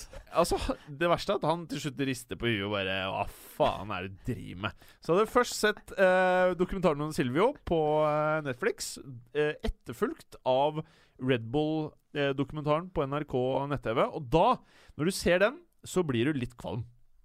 Du blir litt kvalm, og hvis du tenkte at det sånn Ja, ja, de gutta sitter og maser om at Red Bull er så teite. De er ikke bare teite. Dette her er eh, Ondskap satt i system. svineri. ja, det er som barnefilm du så da du var liten, med folk som skodde seg på å kappe trær og spyttet bensin i elven. Det er Red Bull. ok, skal vi ta det litt videre, sånn fotballmessig? Hva med Monaco, da? Nei, Monaco Er det noe futt i dem? Ikke den siste uka. Nei. Da var det et braknederlag mot eh, Porto på hjemmebane, etterfulgt av uavgjort mot eh, Montpellier. Et eh, Montpellier som bare har tatt ni poeng på de første åtte kampene, men to av dem har kommet mot Monaco og PSG, og det i de to siste rundene. Faktisk, skal, jeg, skal vi sjekke en, sorry avbryter deg. En ting som er litt interessant. Vi kan få sette Bergeren på saken Ja. og sitte og regne på hvor mye eh, sparer eh, Eller hvor mye går Monaco glipp av og ikke har fått de 180 millionene i år, kontra at de får det til neste år. I eh, renter. Eller investerte midler i dag. Så kan vi sette på en liten modell, da. Bergeren elsker jo sånn, vet du. Berger får ta hjernen, kalkulatoren og kontaktene sine i bruk. Ja, vi kjører bare noen rapport på det. Men eh, Montpellier, da. eh, forrige laget som fravrista PSG-seriemesterskapet før eh, Monaco gjorde det nå i våres. Og det var litt gøy. De er det eneste laget som har unngått tap mot PSG så langt, så det var jo klart at uh, det var jo ikke en lett match for Monaco, selv om man kanskje leser det sånn når man ser på oddskupongen, eller hva det nå er. Uh, faktum er at Monaco skårer ett mål, det samme gjør Montpellier, men Monaco har i løpet av kampen kun én avslutning på kassa. De har uh, seks skuddforsøk til sammen, og én av dem er mellom stengene, og det går inn fordi det er Falcao som står for det. Eh, leder til det er tre minutter på overtid. Da utligner eh, Suleiman Kamara. Og det er ikke ufortjent på noen som helst måte. Det er faktisk et aldri så lite bombardement. Eh, selv om eh, Montpellier heller ikke De sprudla ikke, de heller. Men de var faktisk det beste laget i denne kampen. Og Monaco virker bare helt blåst for selvtillit uh, for tida. Og mye av det kan kanskje ha litt med at uh, spillerne vet ikke helt om de er på laget eller ikke. Det er ikke noen elver som har satt seg ennå. Uh, nå fikk f.eks. Uh, Keita Baldé, som man ville tro var skulle bli den nye stjerna da han kom, i hvert fall ifølge Bergers rapporter. Ja. Uh, han fikk bare et innhopp. Det var Falcao Jovetic som starta på topp. Men der har det vært uh, x antall konstellasjoner allerede. Det er tidlig i sesongen uh, allerede. Uh, Tielemanns og Fabinho spilte på midtbanen. Der har det vært mye Motinho. Uh, og det er klart at spillerne Når verken de eller treneren tilsynelatende vet hva som er elveren, så er det heller ikke lett å skape relasjonene og skape tryggheten i din posisjon og din rolle på banen. Så Shardim har litt å jobbe med her. Når det er sagt, så har jo troppen kvalitetene til å eh, En reell gullkamp blir det nok ikke, men de, de skal kunne heve seg betraktelig og eh, pushe for et eh, potensielt avansement fortsatt i Champions League. Men da må de komme i gang nå, De kunne kanskje tenkt en spiller som Bakayoko, f.eks. for eksempel. Eh, hvis vi nå vandrer til Premier League Der spiller Bakayoko. Eh, der spiller Bakayokon. Og han i det første oppgjøret her, som på papiret, da eh, Var vel eh, det som skulle gi mest vann i munnen. Men som med, veldig ofte med Premier League, så ser det digg ut på papiret. Og så Jeg så 70 minutter av dette her. Og jeg, jeg vet ikke helt om det var verdt tiden ass, å sitte og glane på dette her. Ja. Jeg ser nå, For det første så ser jeg at eh, når vi snakker om fotball her, så jeg har sett fryktelig med fotballkamper i helgen, merker jeg på. For jeg har sett den her også. Og jeg, jeg blir sånn fascinert av den taktiske duellen mellom trenere. Jeg trenger ikke nødvendigvis ha altfor mange mål. Jeg trenger 17 baklengs, 17 fremover, jeg. Du trenger Real Sociedad. Nei, men det er litt interessant her, da. Når uh, Morata må ut med skade, så velger uh, Conte å sette inn på William. Uh, Pep kjørte selvfølgelig uh, sitt vanlige trekk med å prøve å overbefolke på midten. Og det var jo et svar til overbefolkning på midten heller få en William. Så kan du si at han kanskje heller burde ha trukket Eden Hazard litt lenger ned, for han blir jo liggende som spydspissen her. Kanskje fått inn på Det er lov å si at Michi Batshuayi kanskje hadde fortjent å komme inn på i den Jeg, fasen bare, der. jeg forstår ikke hvorfor han får så jævla lite tillit, altså.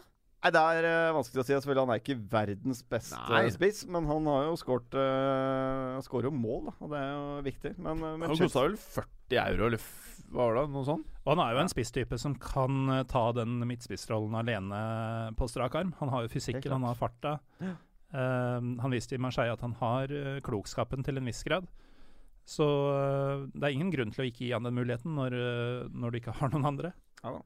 Men uh, Conte og Chelsea de kom jo rett ned på jorda her da etter den uh, sykt sterke borteseieren mot Atletico Madrid mm. i, i Champions League.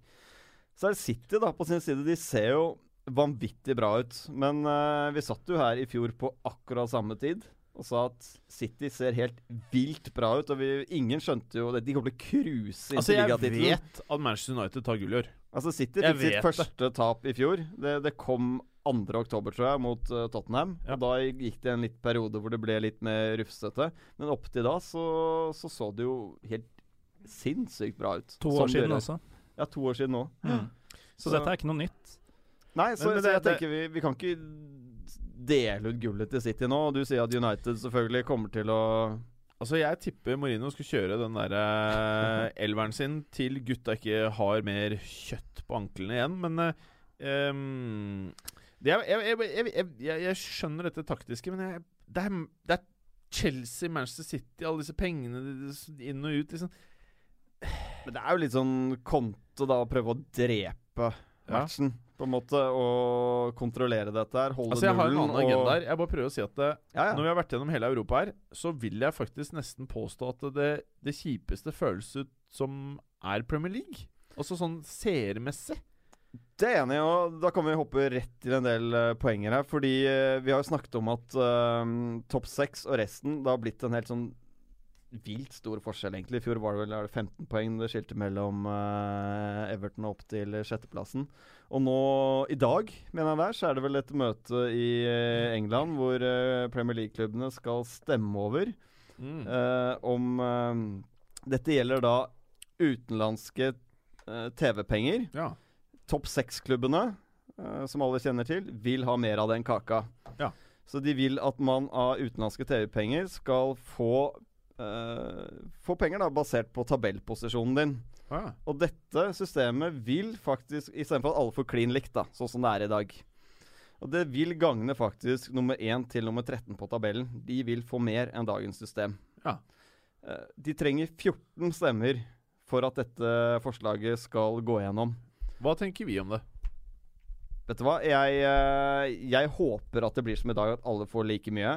Men jeg er fryktelig redd for at vi beveger oss inn i en tid hvor eh, det er bare snakk om få år før Champions League har et annet format. Vi er litt på vei dit nå, hvor de store ligaene får med automatisk fire lag hver. Jeg tror ikke det er fryktelig lenge til vi ser at eh, det er en ny Champions League som bare består av La oss si de fem beste fra de fem største ligaene som spiller et slags ligasystem med en playoff-variant. Altså, jeg tror det går mer og mer i den superligaretningen, da. Og det er eh, Jeg syns det er fryktelig synd, men eh, det virker som det er veldig vanskelig å stoppe det, fordi De store klubbene har bestemt seg, de. det er Det penger. er, eh, ja, det er dem og pengene deres som gjelder, og alle andre kan bare dra til helvete. Ja, de, de driter i Rosenborg og Partisan og alle disse klubbene her. Fremtiden ser vi noen år frem i tiden, nå, så tror jeg ikke de er med i Champions League engang. Mm. Og da får vi et Altså, det er et klasseskille som er eh, Hva skal man si? Gigantisk. Mm. Og det klasseskillet er jo allerede rimelig stort i Premier League allerede. Det er jo relativt stort i de fleste andre ligaer også. Så Jeg tror det presser seg frem. Fotballuka er da imot dette her eh, du prater om, da? Jeg er imot det. Jeg liker lokalligaen, men det, skal ikke fryktelig mange år Hvis du tar Premier League, da. Det skal ikke veldig mange år tilbake i tid før eh, Men- Manchester United sleit borte mot uh, Sunderland. Uh, selv hjemme mot Stoke kunne være en nøtt. Uh, nå vet vi jo at de vinner. Altså De topplagene Du ser hvordan Tottenham ruller over Huddersfield. det Arsenal, full kontroll mot Brighton. Chelsea, nei, City var det, de- altså de har fem strake seire. Cruiser United og Chelsea. Ja, vel er det 22 i målforskjell og 21-2 i målforskjell. Det er blitt en ekstrem forskjell på de Så- dårligste og de så- beste lagene i England. Så Premier League-elskerne som hele tiden skal liksom si at uh, dårligste lagene i La Liga er så dårlige at uh, det ikke er noen motstand lenger. Det er helt omvendt. Det er De dårligste lagene i La Liga er jo mye bedre enn de Mm. dårligste i Premier League, spør meg. Mm. Ja, kunne bare sett for deg hva si Sporting Hihon hadde gjort med Crystal Palace nå for tida. Ja, ikke sant? Nei, ja. Men hva faen skal man si om det, stakkars Jeg orker ikke å prate noe mer om det. Det er, det er liksom uh, Gå til Crystal Palace, da. Det er så deilig å snakke om Crystal Palace. Ai, ai, ai. Ja, Jeg ja, ja. til hele dag. La oss ta det, da. La oss ta det. Har du noen Manchester stats- United, har du noen Crystal stats, Morten? Palace. Jeg ser jo at i notatene mine så har jeg ikke engang giddet å skrive Crystal Palace. Jeg skrev bare CP. Fordi det er jo det de ser ut som de har, hele gjengen nå. Det er jo muskelsykdom uh, som er eneste potensielle forklaringa på at de spiller så dritt som de gjør. Nå, Men hvor dritt er dette her? Er det, er det liksom tippeligadritt? Eller nei, har det er litt der. tung periode, syns du? Altså, eh, det, jeg syns jo dette er litt rart. eh, Jeg vet at Preben er litt uenig, men når jeg ser på elveren og troppen til eh, Crystal Palace, så ser jeg et uh, i hvert fall midt på tre-lag, da. Sånn uh, Southampton knive om Jeg syns det tiendeplass-type ser veldig bra ut, det. Men, men det skal sies at de har vært uheldige med skader, da. Altså, Et lag som Crystal Palace har ikke råd til å ha Sa... Hva heter han? Skulle si Simone Satsa. Jeg er helt inne i han om dagen. Saha. Men, Saha. Uh, å ha han på tribunen, det, det, det har de rett og slett ikke råd til. Nei, det kan du si, men uh, nå var det jo Altså, de som starta på Beck-plass nå, var jo Ja. van Anholt og eh, Ward, og det Ja. er jo førstevalgene, så vidt meg bekjent i hvert fall. De var juniorer, altså. Så du hva Rashford gjorde med ja, Joel. Ward på 1-0 der? Det er, jo, det er jo ikke en spesielt god finte engang, men Joel Ward var helt stranda. Van Anholt også var helt grusom på motsatt side, og det er jo uh, selvfølgelig en utakknemlig oppgave for et uh, Palace i krise, da. Uh, de satte jo rekord forrige uke med antall kamper på rad uten poeng og uten scoring. Så kommer det til Old Trafford, et lag som, mot United som nesten på lik linje med City ruller over alt som kommer for tida. De har 21-2 i målforskjell på sju kamper, og ligger bak City på målforskjell. Hvordan ligger du bak noen på målforskjell når du har 21-2? Ja, det er vilt. De to Manchester-klubbene ser jo helt uh, rå ut, selvfølgelig. Men det er, altså, det er jo veldig spesielt med Palace. De, det er null mål. Mm. Altså null skåringer. Det er uh, På sju kamper. Ja, jeg husker jo Vi husker tilbake var det to-tre år siden hvor Newcastle hadde en rekke av de hadde tapt åtte-ni på rad. Og de var i ferd med å sette rekorder. Og vi, i hvert fall jeg, heiet jo på at de skulle tape flere kamper. Jeg syns sånne streaks er veldig morsomt. Så jeg, jeg Men den her er i ferd med å bli uslåelig. Ja, ja. Nå, er, det- nå er Chelsea neste. Ja, ja. Og jeg håper jo de ikke scorer og taper med masse der. Det er, det er jo bare gøy. Hvor, Ja. hvor lang kan man lage en rekka, da? Kan stå i noen sesonger, altså, den eh, rekorden her. Det er, har- det er hardt for noen, dette her. Det er beintøft. Men, Nå er det jo ikke eh, greit, prøv, da. prøv Er det liksom der at eh, det er sikkert av nedrykk, liksom? Eller? Nei. Nei, vi er ikke der. Nei, eh, det er altfor lenge igjen. Altså, vi skal snakke om Huddersfield og Brighton etterpå. det er- Det er, men, det, eh, er, det er fem poeng opp til trygg eh, jord akkurat nå. Ja, men Ja. vet du hva, jeg, jeg syns Galesen er innpå meg. Jeg sitter og ser på dette laget her. Jeg syns det ser eh, Ikke Du på syns jo det ser sexy ut. Ikke, ikke på banen, men på papiret. Det må da faen gå an å få til noe det er, det er ikke så jævla dårlig. Nei, altså Jeg er helt enig. Og så kan du ha Benteke der. Du kan ha Townsend og Saha på, på sidene. Så kan du få pumpa inn noe innlegg. Altså, det, Vi snakker bare om en måned eller to siden til at folk, alle fancy-spillere skulle ha Benteke på laget sitt. Som det Helt klart. åpenbare billige spissvalget. Og nå prater man som om man er spedalsk. Men de, de har jo blitt litt Eller av CP. Du hengte opp i det, du, nå? Ja. Ja yeah. Rart, Og jeg vil, jeg vil gjerne ta den litt videre også, hvis jeg har, uh, har noen minutter. Ja, ja, ja. Kjør på. Hvis du fortsatt omtaler eh, Crystal Palace som sexy nå for tida, Jeg har ikke sagt det siden da, vi i år da vil jeg si at du da uh, har den fotballmessige uh, versjonen av fetisj for amputee-porn.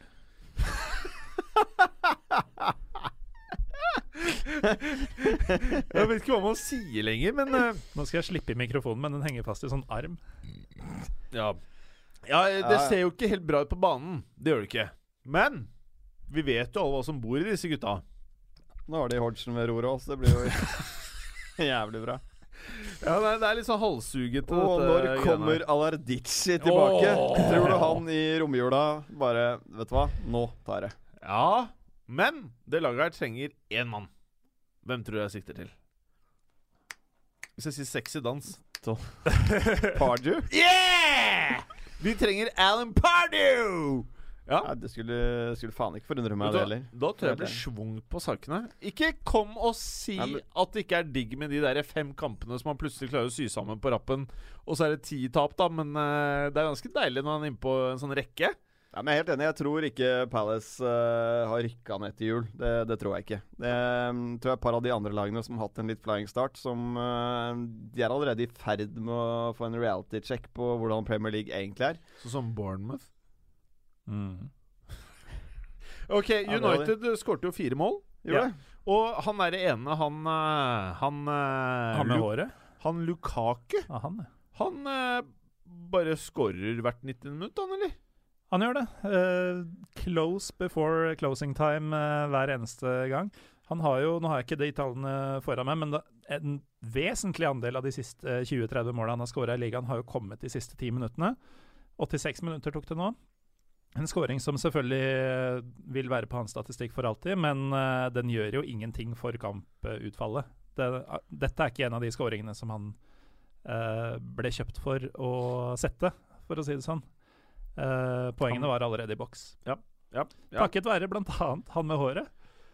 Marwan Fellaini nå uh, skåring i tre av de siste fem for United. Ja. Det er jo tall fra Everton-perioden hans. Han er jo så fæl at han nesten begynner å bli litt fin. Men bruker du Fellaini riktig, så er han en effektiv spiller. Og der har Mourinho Mourinho knekt en kode. Ja, han kom, Altså, Mourinho, kommer han på de litt tunge løpene, litt uh, dype løpene inn i boksen på innlegg. Altså, jeg, jeg, er føler, jeg føler at du kan være litt Borini-spiller under Mourinho så lenge du gir alt.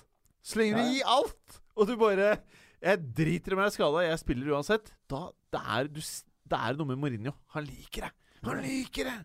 Eh, er det noe mer Vi kan ikke bruke mer tid på dette her. Nei. Vi må jo selvfølgelig rett over på Huddersfield Tottenham. Og nå er jo Kane på en måte litt tilbake, eller?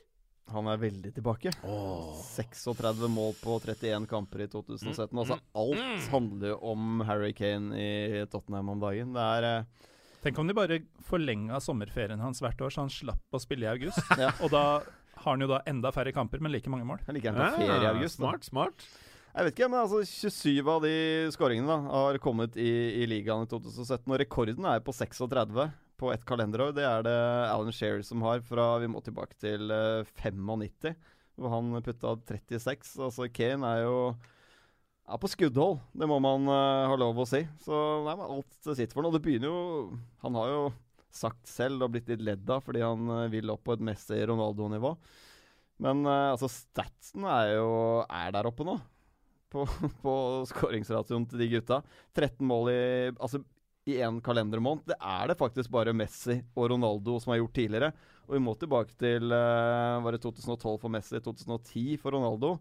Siden, de klarte å skåre like mange mål for eh, klubb og landslag.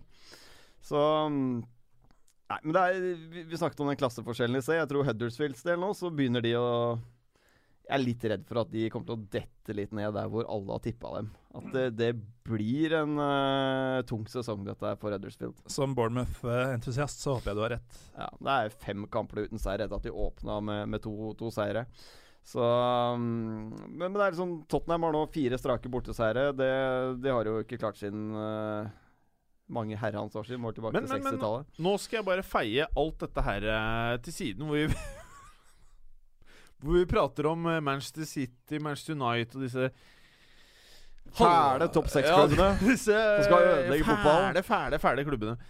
Eh, du vet jo, i fjor, året før igjen, så pratet vi om at Tottenham var en reell outsider til gull. Og for meg, da, jeg vet ikke hva dere tenker, men uh, Kyle Walker ut. Uh, Aurier, hvis han ikke får altfor mye røde kort, og Sanchez inn.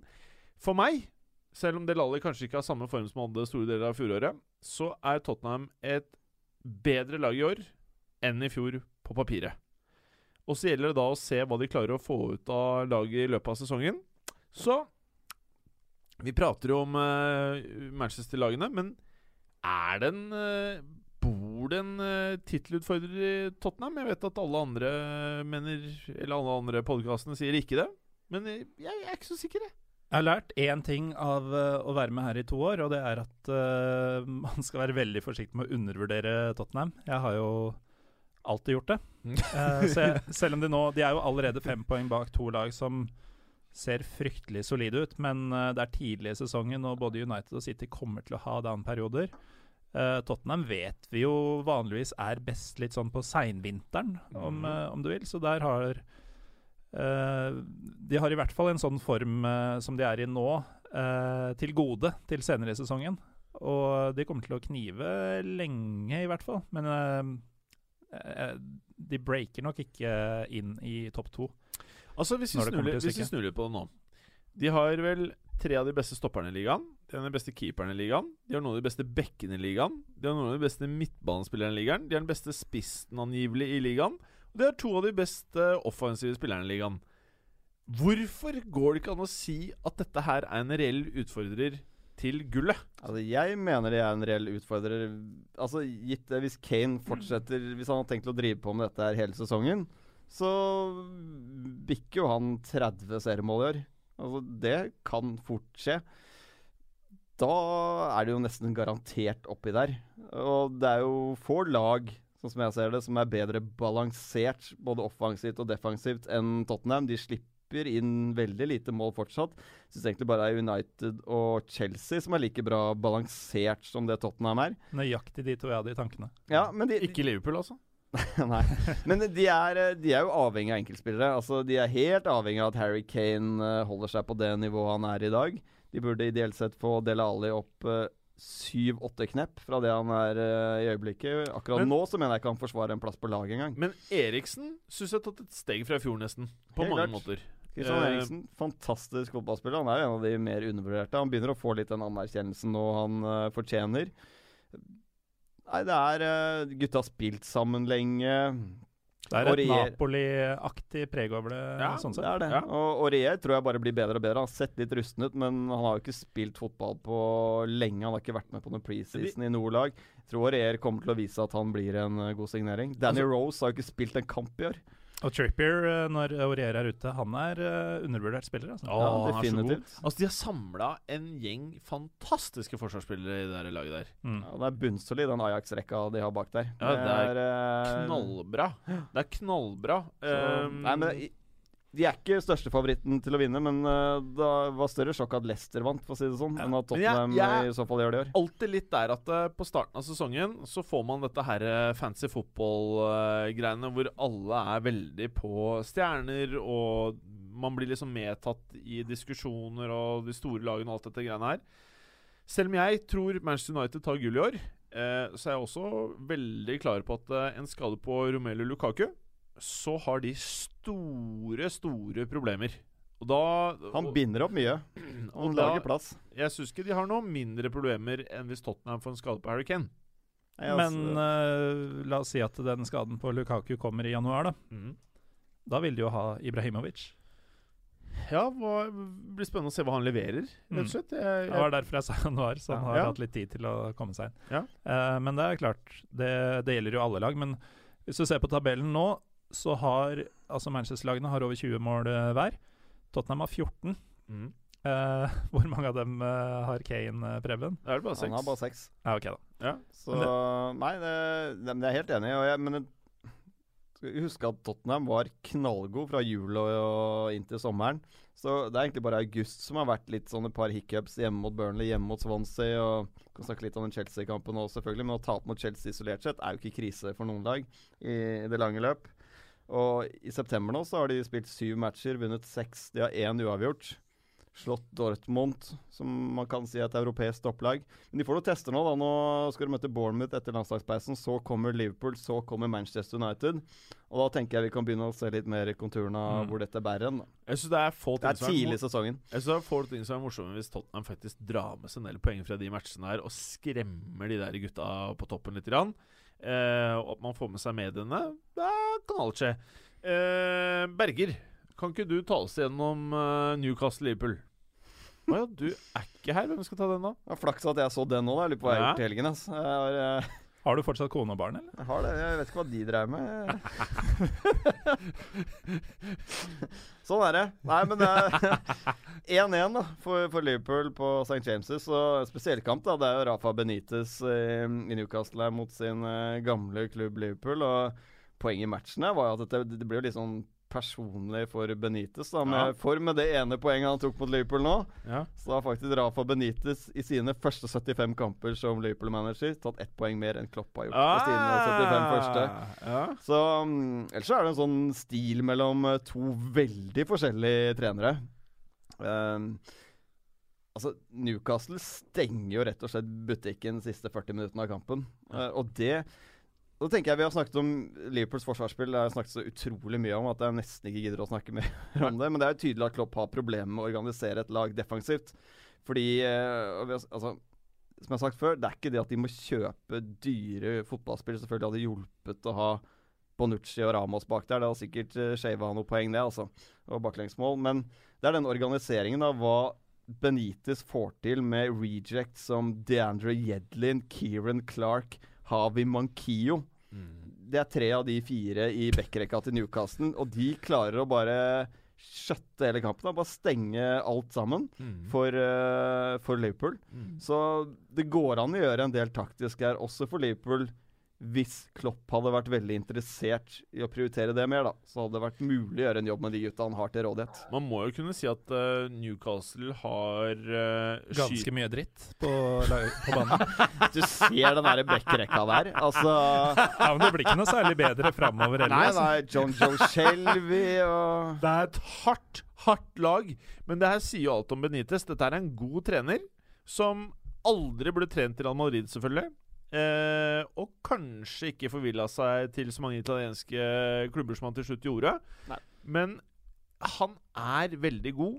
Og nå skal ikke jeg til forkleinelse for Newcastle-fans, fortjener også å være i et lag hvor du har en eier som backer deg. Det syns jeg. Det tror jeg ingen Newcastle-fans tok seg nær av. Nei. Eh, men det, det litt ironiske her er jo at uh, nå som kanskje den største jubelen over uh, den morsomme greia med Klopp, at det er sprudlende angrepsfotball og kule intervjuer, når den på en måte har lagt seg litt, at Liverpool-fansen har blitt vant til det, så er vel kanskje akkurat en en Benitez-type de savner å kunne, kunne ønske seg nå, da. altså, jeg, For, for da kommer jo resultatene, som Mm. eh, til syvende og sist er viktigst. Jeg er ganske overbevist om at Benitez hadde dratt det laget her lenger enn det Klopp kommer til å få til med Liverpool, hvis han hadde vært der. Men det har med at du er nødt til å ha et solid Altså Du må ha et balansert fotballag da for å vinne titler. Med mindre du, du har ekstremt mange gode enkeltspillere. Suarez Sturridge. For eksempel, hvor de Skorter vant 5-4 i hver kamp, men det går ikke i lengden. Og sånn som Det City, ja, men sånn som City holder på, da, de er jo også til viss grad Ja, De har sånn- så mye kvalitet at det går allikevel, Ja. på tross av. Men hvis du ser en mer Mourinho-stilen det Mourinho-stilen og Conte-stilen er jo egentlig tittelvinnende Ja, stiler. Og jeg er veldig usikker på om Klopp noen gang kommer til å få Liverpool til å bli et stabilt topplag. Mm. Det er veldig usikker på. Du ser jo, som vi inne på med Dortmund i sted også, det er den stilen som er Kall det naivt, da. Eller dumt, eller hva du vil. altså, det går på bekostning av det defensive. Det er klart Når du dytter opp seks-syv mann inn i motstanderens straffefelt, så blir det noen rom bak deg. Som du må det, dekke. er, det er litt sånn ereksjonsstil, men uh, ja, det blir kanskje ikke så mye resultater. Jeg måtte jo liksom ta litt tak i Manchester City her. Da. Jeg, jeg, må hver anledning jeg får Jeg syns det er så gøy at de bruker så mye på forsvarsspillere, og så er det alltid fælt. Ja, det er Det, det. det, er, det, er det blir aldri bra. Eh, Nå så de bra ut mot eh, Chelsea, da, Ja, ja, ja, defensivt. ja. De gjorde det, de hadde full kontroll. Og det er jo klart du kommer langt med kvalitet, det er ingen tvil om det. Men det Så- var jo i hovedsak forsvarsspill med ball. Da. Mm. At de eh, holdt ballen i laget. Ja. Så, lenge, så, skal, lenge, så lenge du bare hindrer Hazard i å komme én mot én mot Stones eller Rotamendi, så, så klarer du det. da går det greit. Ja. Men uh, vi må nesten snakke om uh, Oxlade Chamberlain-effekten her, da. Den er jo ganske eh, fascinerende. Så etter at han signerte da for, eh, for Arsenal, så har jo Arsenal virkelig Nei, for Liverpool. Så har jo først har Arsenal fått virkelig fart på skuta. Og seks seire, én avgjort og null tap på siste syv. Liverpool på sin side står jo med én seier og, og ja, én seier på siste syv, rett Og slett. og så han. Chamberlain er bare kvitt seg med, med andre ord. Men hva tror du han tenker? Han sitter på benken i Liverpool nå. Han har liksom byt, han egentlig bytta benk. Ja. Som basic, han spilte wingback, da. jeg føler han fikk mer tillit til Arsenal Ja, enn det det virker som Men han var jo åpenbart Hvis vi skal se på statsen, da. Ja. Fikk han ut av laget, så begynte det å gå på skinner her Ja. for Arsenal. Så men jeg lurer på hva han tenker om sin karriere. Og vi har jo snakket om flere ganger at det er jo ingen som aner hva han er god til, egentlig. Altså, han syns det er helt dritt etter kampen. Så helt dritt i garderoben, helt dritt på vei ut når folk stiller alle de spørsmålene. Men så setter han seg inn i en ny Bentley, og så bare vatter han opp Young Jeezy på maks, liksom. Bare Halla, tja boy! Han er ikke klar over at det kom nytt propagandaalbum denne uka, eller? Nei, vi glemte T-skjorten din! Det var jo faktisk en av de mindre fæle T-skjortene du har hatt. Ja, Med bilde av ja. et flyvende vesen, i hvert fall. Jeg har jo i uh, klesskapet mitt Så har jeg T-skjortene i uh, to hyller. Ja. En som er worksafe, og Ja. en som jeg kan gå med på fritida. Og så den tredje, som er Besiktas. Jeg har en tredje, faktisk. Det er mer uh, gå på fotballkamp med. Eh, men eh, jeg har uh, x antall propaganda-T-skjorter, Ja, og, og de finnes da i begge hyllene. Dette er en av de som jeg kan gå med på jobb, føler jeg.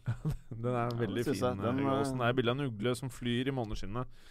Å nei, fader! Den skal ta, ta rotta på et dyr? Nei. Den skal ta rotta på en tønne full av atomavfall. Det, ja, noe sånt. Ja. Veldig bra. jeg, jeg kan ikke gå med den på jobben. Nei, jeg tror ikke jeg går med den heller. Eller jeg kunne gått med den, men Dette er eh, jo jobben din nå. Ja, dette er jobben min. Eh, Gallosen, Arsenal Briton Briton? Brighton. Brighton? Brighton. Ja, hvordan var dette? Breten? Brighton and Hove Albin, Ja. Som, som noen fra Newcastle kanskje ville kalt dem. ja.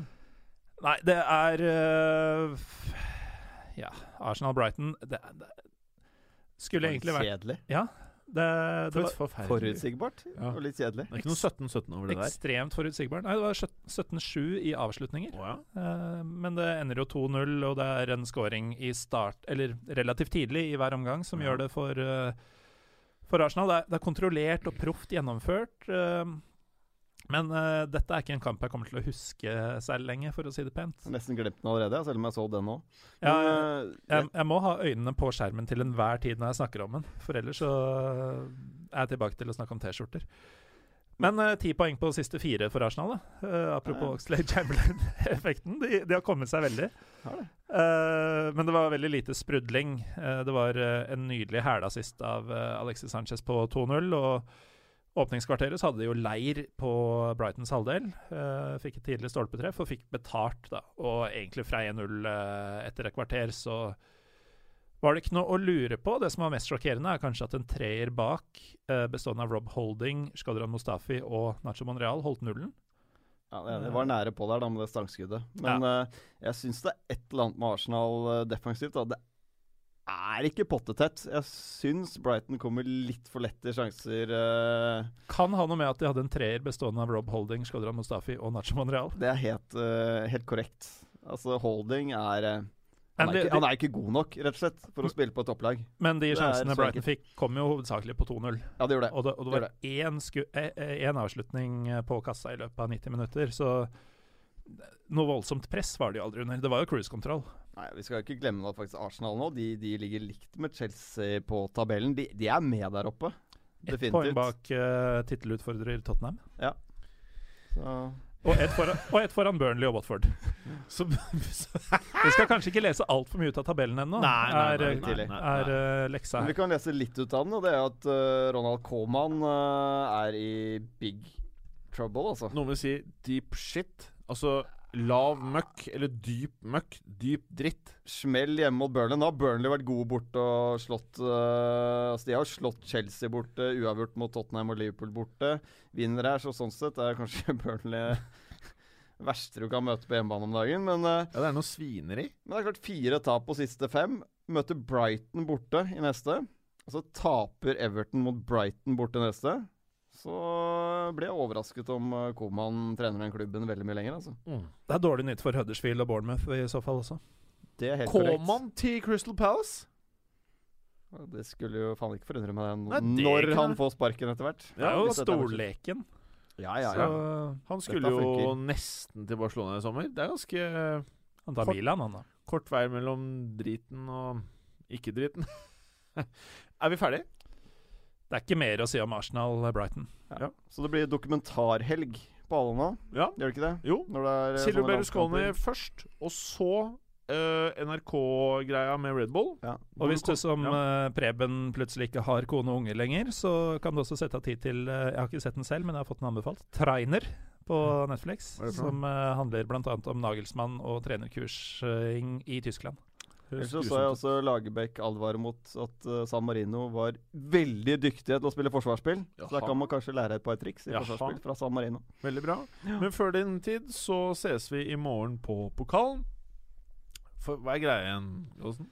Pyro Pivo holder quiz. Gud hjelpe oss alle. Det er så grusomt. Gå inn på Facebook, meld dere på denne quizen. Og neste uke så er det jo eh, fotballuka! Og eh, Fløtemannen Blakeren, eh, håper vi. Eh, som da er Hvilken dato er det, Prøven? 12. 12. 12. oktober klokken syv, Ja, tror vi. klokken sju, ja. Tror vi. Kom i femdraget, som jeg sier, Ja, så er du sikker. Kom i. Ja, Fem dere og drikk mye! Nå er det vel Eller lite. eh, fort uh, mye. Europaliga-runde den torsdagen, vil jeg tro. Mm. Uh, og sist da La Liga Loca hadde, så var det halv seks av det. Ja. Fordi det er kampstart sju. Å ja. Så kanskje det er fem drag du må Det kan komme, være altså. femdrag, altså. Ja. Det bør vi Følg sjekke opp. med i sosiale det medier. Det kan være kanskje smart altså å sjekke. Men førstkommende torsdag 5. oktober, som kan være i dag, avhengig av når du hører på denne podkasten, da er det klokka sju. Eller det kan være i går, avhengig av når du hørte denne podkasten. Så da har du gått glipp av det. Men Ja. du kan fortsatt komme på fotballuka 12. oktober klokken enten 17.30 eller 19.00. Og hvis du ergrer deg over at du hører dette for seint og gikk glipp av Pyro Pivos eh, quiz, Fæle, fæle så er det bare å følge oss alle på sosiale medier, så vil Ja. det aldri skje igjen. ja. Bortsett fra når vi skriver feil datoer på sosiale medier. Ikke følg Jim. Og med det så må, Vi er jo så grusomme at vi kan si oss ferdige. Ja, vi kan si oss ferdig. Selv om du ikke følger Jim på Twitter, så send dickpics til Jim Fosheim på Snapchat. Takk Helt for i dag. riktig. Og du, Moratamannen, fortsett. Ja, og presenter deg selv når du kommer. Ja, gjør det. Gjør det. Presenter deg selv. Vi liker deg egentlig ganske godt. Eh, veldig bra. Takk for i dag. Takk for i dag. Takk for i dag. Og Send dickpics til Jim. Nei. Takk for i dag. Takk for at du gadd å høre på. Vi er Fotballuka på Twitter, Facebook og Instagram. Følg oss gjerne. Men bare få høre. Den tror jeg blir litt fet.